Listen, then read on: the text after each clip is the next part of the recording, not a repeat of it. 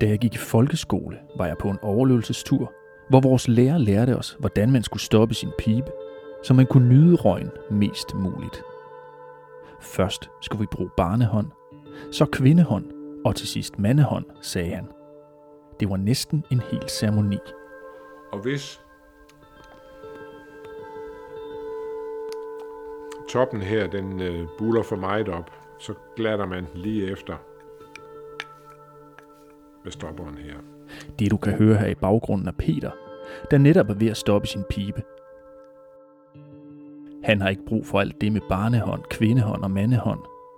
Det har han råd alt for længe til, siger han. Og det kan samtidig slukke den, så man er nødt til lige at eftertænde. Men alligevel er hans rygning en smule hellig, hvis han da bare kan få lov til at nyde den i fred. Mit navn er Lasse Telling, og i fem udsendelser dykker jeg ned i rusens historie. Dagens rustur handler om tobakken og den hellige røg, som i tusinder af år er blevet suget ind, blæst ud, sniffet, drukket og kastet op igen. Fra Maya-indianernes cigarrygende guder, over de sirligt pulsende japanere, til det 3 gram stop Peter netop har færdiggjort i sit hus i Midtjylland. For hvorfor er det netop tobak, der er blevet et af de rusmidler, som allerflest mennesker bruger, uanset hvor de kommer fra? Vi starter på et nedlukket nationalmuseum, og med historien om, hvem der var de første til at bruge tobakken.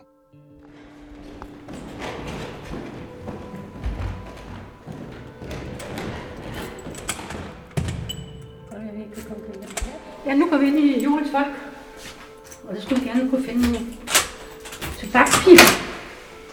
Og der er ikke alarm over det hele sådan sted her? Jo, det er der, men øh, jeg har sørget for at få taget alarmen. Det er antropolog og arkeolog Inge Sjælrup, der lukker os ind. Hun har arbejdet i Sydamerika i næsten 50 år, og hun er den her series husekspert.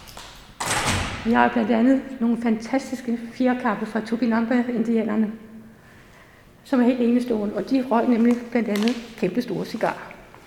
Og hvor, hvor kommer de fra, Tupinamba? De kommer simpelthen fra, fra Sydamerika, fra østkysten af Sydamerika. Jamen, det er svært at sige, hvordan man begyndte at bruge tobak, men under andre omstændigheder, så går det flere tusind år tilbage i Sydamerika, fordi der er jo der, at tobakken, noget af tobakken kommer fra. Der kommer også noget fra Nordamerika. Men man ved, at amazonstammerne, de meget tidligt har brugt det, altså både som snus, og som må tykke det, og som må ryge det, og inhalere røgen, og slikke det, og der findes et hav af måder, hvorpå de stadigvæk, de stammer der er tilbage, stadigvæk øh, bruger øh, tobakken. Ifølge overleveringerne var tobakken givet af guderne, og blandt andet var majernes regnguder passionerede cigarrygere. Efter sine skulle kometerne i rummet ved at spyde ud med røgen fra deres udpustning. Tobakken spillede en fast rolle i amazonindianernes ceremonier og ritualer. Det var også derfor, at det var shamanerne, de hellige mænd, der styrede tobakken og vidste, hvordan den skulle bruges. Og den spillede også en væsentlig rolle i deres egen indvielse i det spirituelle. Når nogle shamaner de skulle initieres, altså de var noviser stadigvæk, og inden de skulle blive shamaner, så kunne de, skulle de nogle gange øh, tage noget med to liter tobaksaft. Det gjorde, at de, blev, totalt dukket, altså fuldstændig og dels. Kun ingenting. Men nogle af dem, de har dog så meget kraft, så de bare drøner ud i regnskoven. Andre, der bliver det simpelthen så alvorligt, så de kommer ind i en dødsoplevelse. Og nogle de dør, rent hun sagt.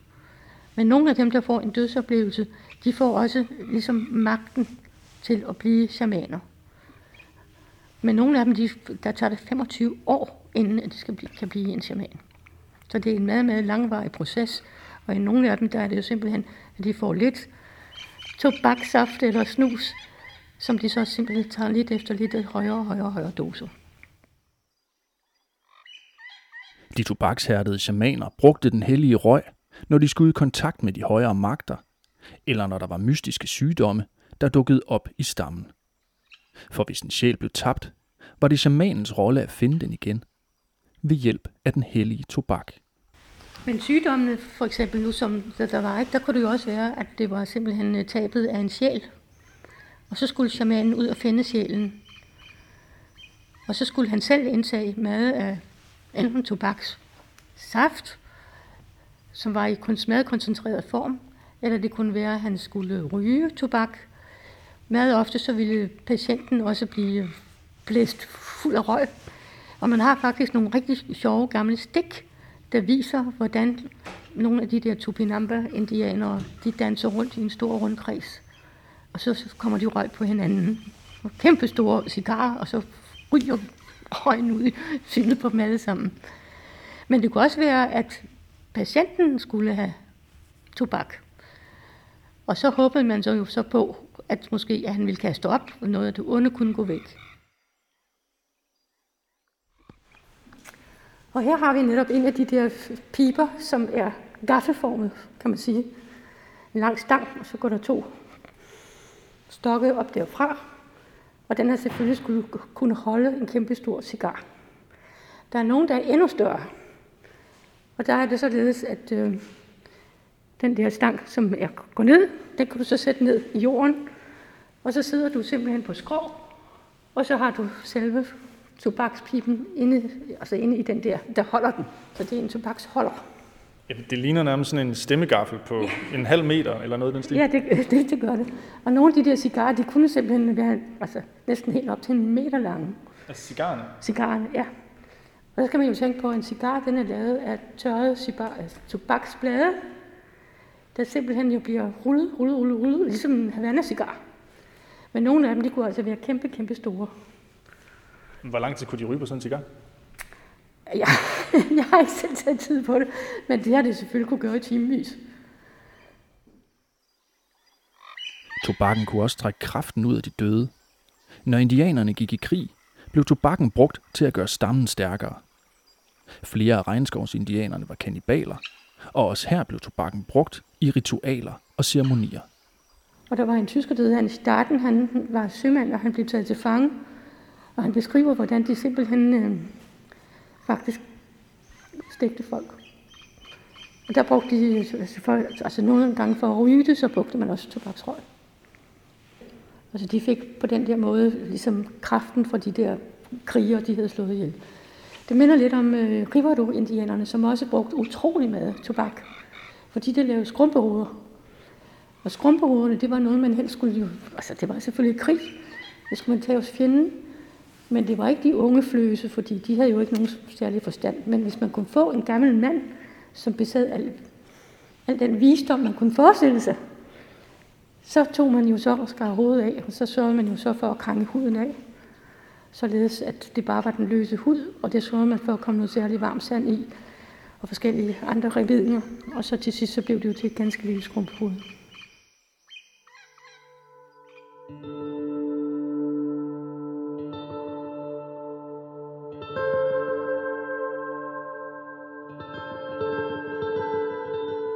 Jeg kan ikke huske, at vi fik kontakt til noget større, da vi lå pipen gå rundt mellem os på overlevelsesturen. Men jeg kan huske det ophøjet. Følelsen af at dele noget, vi ikke bare kunne gribe fat i.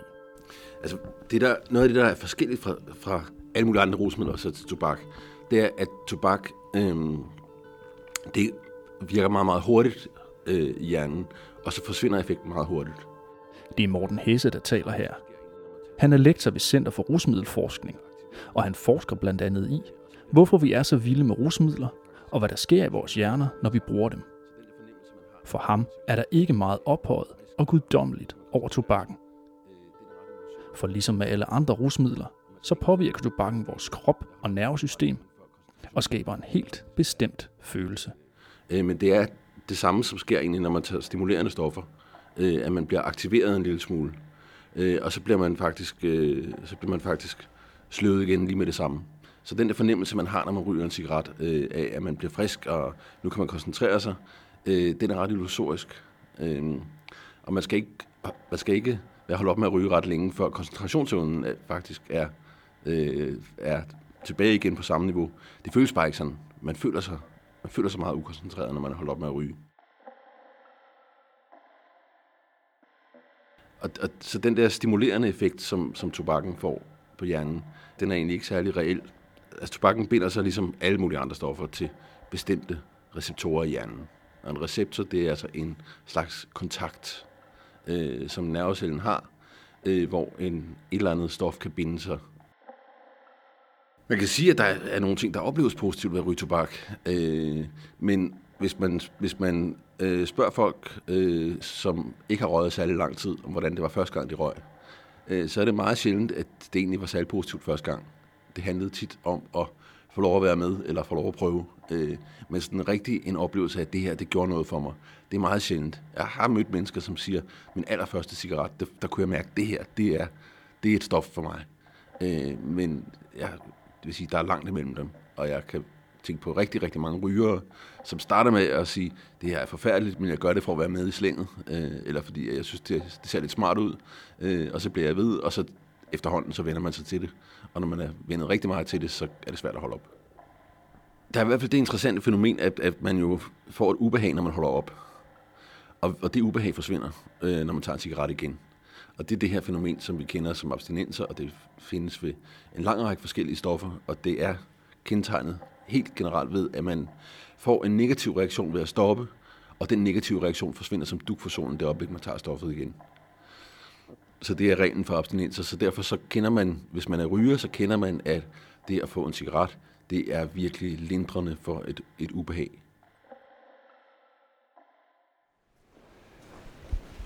Så nu kommer vi til Prælia.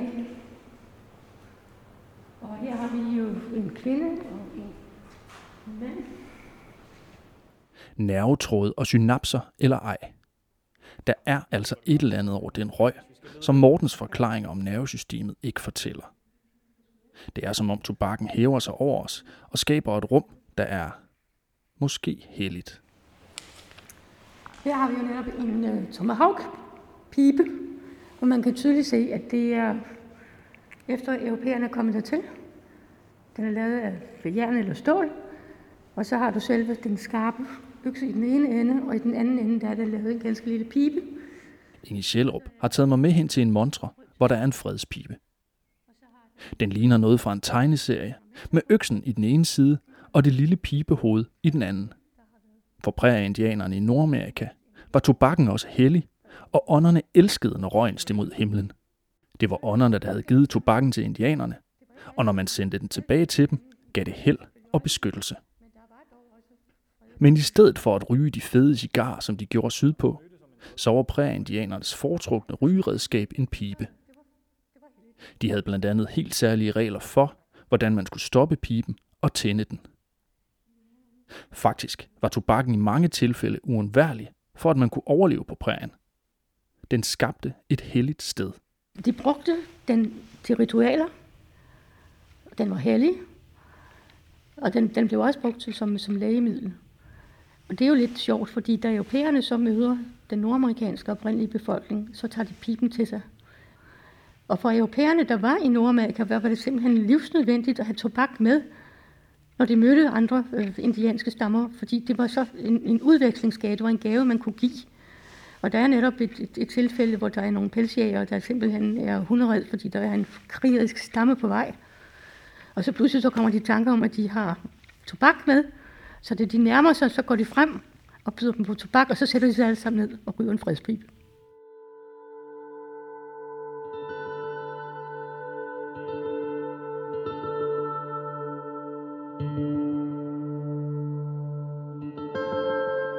Her bliver jeg lige nødt til at skrue tiden lidt tilbage. For inden de første europæere ankom med Columbus i 1492, så var tobakkens glæder fuldstændig ukendte for europæerne. Men som os andre fik de hurtigt smag for indianernes hellige røg. Det første møde, det sker jo, da Columbus han kommer sejlende der i 1492 over til, de, til Karibien. Og så ser han en lille mand, der sejler rundt i en kano. Og så synes han, det var da lidt mærkeligt noget. Han kommer med sådan nogle underlige tørre blade, som han, øh, han lægger ind til skibet. Og han forærer de der blade til Columbus. Men han ved ikke rigtig, hvad det er. Så. Men så er der to spejdere, der bliver sendt i forvejen. Og de spejdere der, de ser også, at de bliver modtaget med den her, de her blade, som altså er tobak. Og så skal de ryge, for det er et tegn på venskab. Og de finder lynhurtigt ud af, at det her det var altså virkelig noget, der betød utrolig meget for faktisk alle indianske stammer, både i Nordamerika og Karibien og i Sydamerika. Sømændene tog tobakken med hjem, men det nye syn af storpulsende ungersvende skabte både fascination og redsel. For det var jo en tradition, der kom direkte fra vildmændene i regnskoven, der ikke kendte den rigtige Gud. Var der noget, som var forbundet med hedenskab, så, kunne, så, så gik det jo ikke.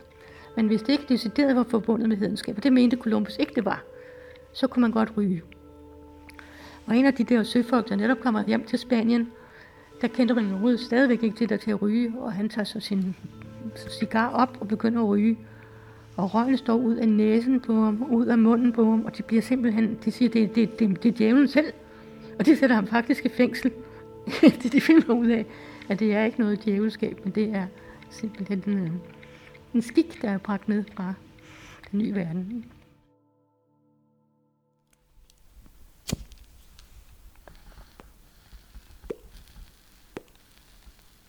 Selvom man gerne må ryge indenfor hos Peter, så lader jeg ham alligevel tænde pipen alene.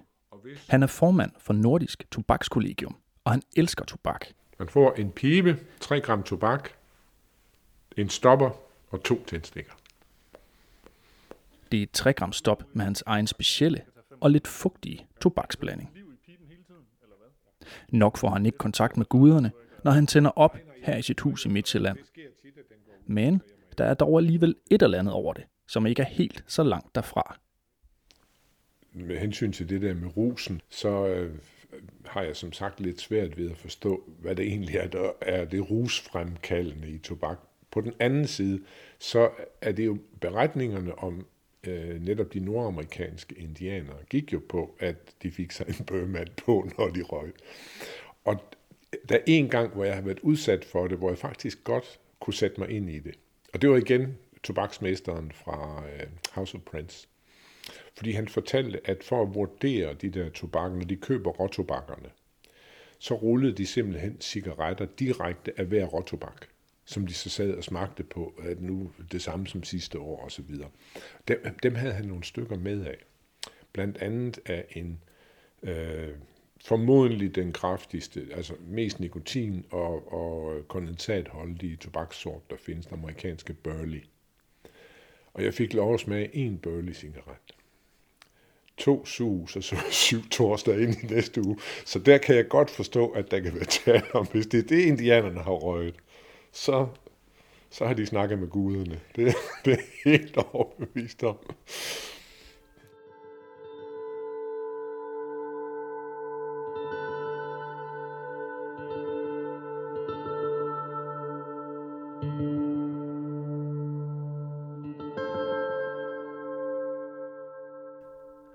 150 år efter Columbus kom til Amerika, havde tobakken spredt sig til hele verden. Nu røg man blandt andet i Japan, i Indien, Ny Guinea og i Kina.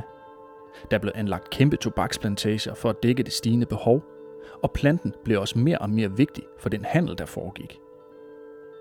Ligesom hos indianerne, så begyndte europæerne snart at se på tobakkens medicinske egenskaber. Specielt i de muromkransede klosterhaver eksperimenterede munke med lægeurters helbredende virkninger, og snart bredte tobaksplantens brede blade sig ud over munkenes haver. Tobakkens egenskaber som helbredende medicin blev snart brugt af fornemme i hele Europa, og især i 1600-tallet eksploderede det. Også i Europa var tobakken nu den hellige, helbredende urt. Man behandlede sår og væskende svulster med tobaksblade, gik der mavesygdomme, kunne tobakken sagtens klare, og hvad med lidt tobaksplade i urinopløsning som medicin mod astma? Den oprindelige tobak, som faktisk hedder Nicotina rustica, den er opkaldt efter en fransk gesandt, som simpelthen fik og så, hvordan indianerne røg. Og så fik han nogle frø tilbage. Og den, øh, de frø fik han til at vokse, og der vidste han, at det var meget vigtigt for lægevidenskaben, så han tog det simpelthen som en lægeurt.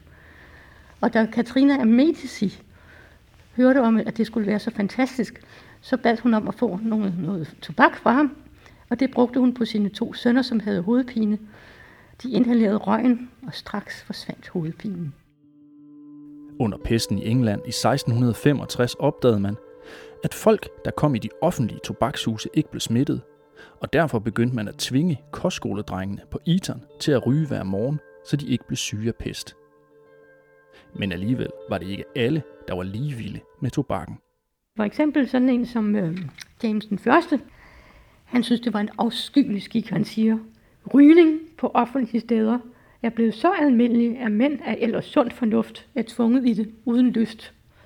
En vane så grim for øjet, afskyelig for næsen, skadelig for hjernen, farlig for lungerne, og denne sorte, stinkende røg ligner mest den forfærdelige helvedesrøg fra det bundløse kul.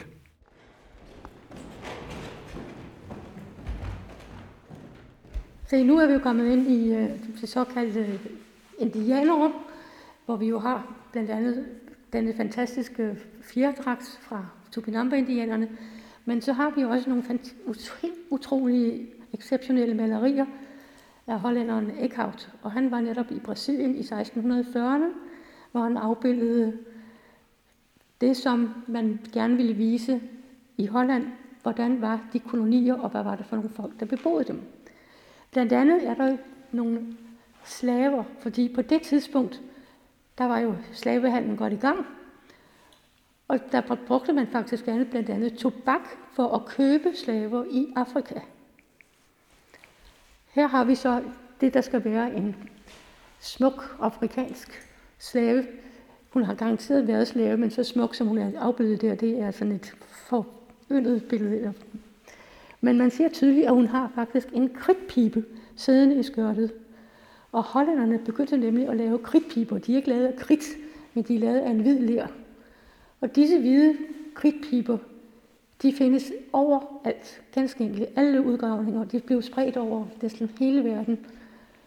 Og de var meget lange, men så kunne man ligesom knippe en del af. Man har også fundet dem i Grønland for eksempel. Så kridtpiber, de blev bare spredt ud over det hele. Og der ser man netop, at nogle af de her slaver, de fik lov, og det gjorde de også i Dansk Vestindien, der fik de en vis ration af tobak. Sammen med Inge Sjælrup er jeg stadig på vej rundt på et nedlukket nationalmuseum for at se på tobaksremedier fra alverdens folkeslag. Der er snusstænger, der blæser tobakken lige ind i din hjerne. Piberne er den hellige røde ler, og de sirlige minipiber, som den japanske overklasse brugte.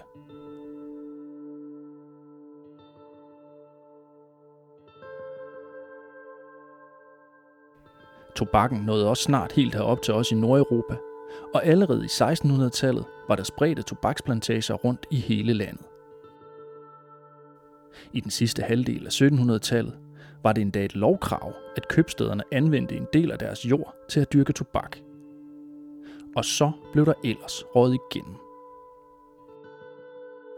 De første cigaretter af papir dukkede op i 1800-tallet, og nu blev det ekstra let at ryge.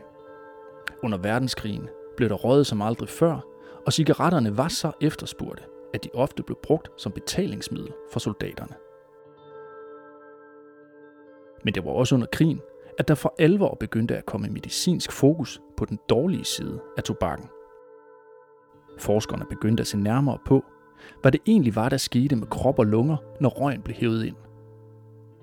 Meget kunne tyde på, at det var røgen, der i mange tilfælde gav lungekræft, og i 1930'erne skabte nazisterne de første antirygningskampagner i Tyskland.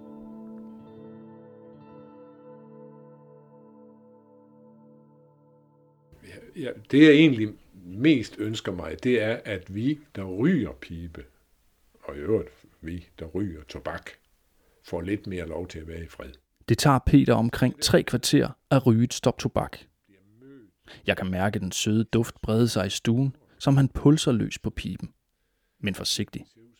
Hvis man barber for hårdt, bliver piben varm. Og det er med Peters udtryk noget møg. En klar begynderfejl. Men det sætter sine begrænsninger at være ryger i dag. Der må ikke ryges på arbejdspladser eller bar, på banegårde eller offentlige områder. Den røg, der engang skabte fred, er nu det jagede bytte.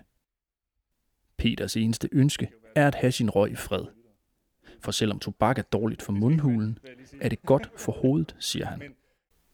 Altså det der med at, at, at man bliver mødt med blikke, især synes jeg, yngre kvinder kan være slemme, ikke? Som det ser ud som om, at man er blevet grevet på færdsgærning i ægteskabsbrud, eller har stjålet et eller andet, ikke? Øh, altså den der højlige forarvelse over, at nogen kan være så urene og uværdige, at de sidder der og ryger. Det synes jeg måske, det kunne jeg godt tænke mig at få lov til at være lidt mere i fred. Jeg forlanger ikke mere end det. Nu sidder vi inde i stuen her ved dig. Man må godt ryge herhjemme med dig. Jep, i hele huset. Og hele tiden, hvis man har lyst til det. Det jeg slet ikke forstår, det er, at folk, som har deres eget hus, som ejer det, de bor i, kraftedeme står ude på altanen eller ude øh, på terrassen og ryger. Hvis man vil ryge, og det er jo er en fornøjelse at ryge, jamen så skal man sgu da ikke lade sig forvise fra sit eget hjem. Det er da perverst. Det synes jeg. Lad os slutte historien om tobak, hvor vi startede den. Hos Inge Sjælrup og indianerne i Sydamerika. For hos dem har tobakken stadig noget nærmest magisk over sig. Bladene, der er noget godt. Og jeg ved det, fordi fra min landsby, der så jeg nemlig, at man der, er, der er vild tobak over det hele. De bruger det ikke til at ryge, der køber de cigaretter, men til åbne sår. Jeg var med til en, øh, en, en øh, healingsproces, hvor en pige var blevet bidt af en slange, og man mener faktisk også, at tobakken er god mod slangebid. Og der samlede så hele øh, landsbyen, og så havde de lavet et kæmpestort gulv, der var fyldt med tobaksplanter. Og så sad pigen på en stol midt i, og så blev der blæst en masse røg rundt, og mange røg, øh, tobak af forskellige slags. Og efter sine så blev pigen helbredt for det der slangebid. Men det var en proces, der foretog, der gik på hele natten, fra sen aften og så til tidlig morgen.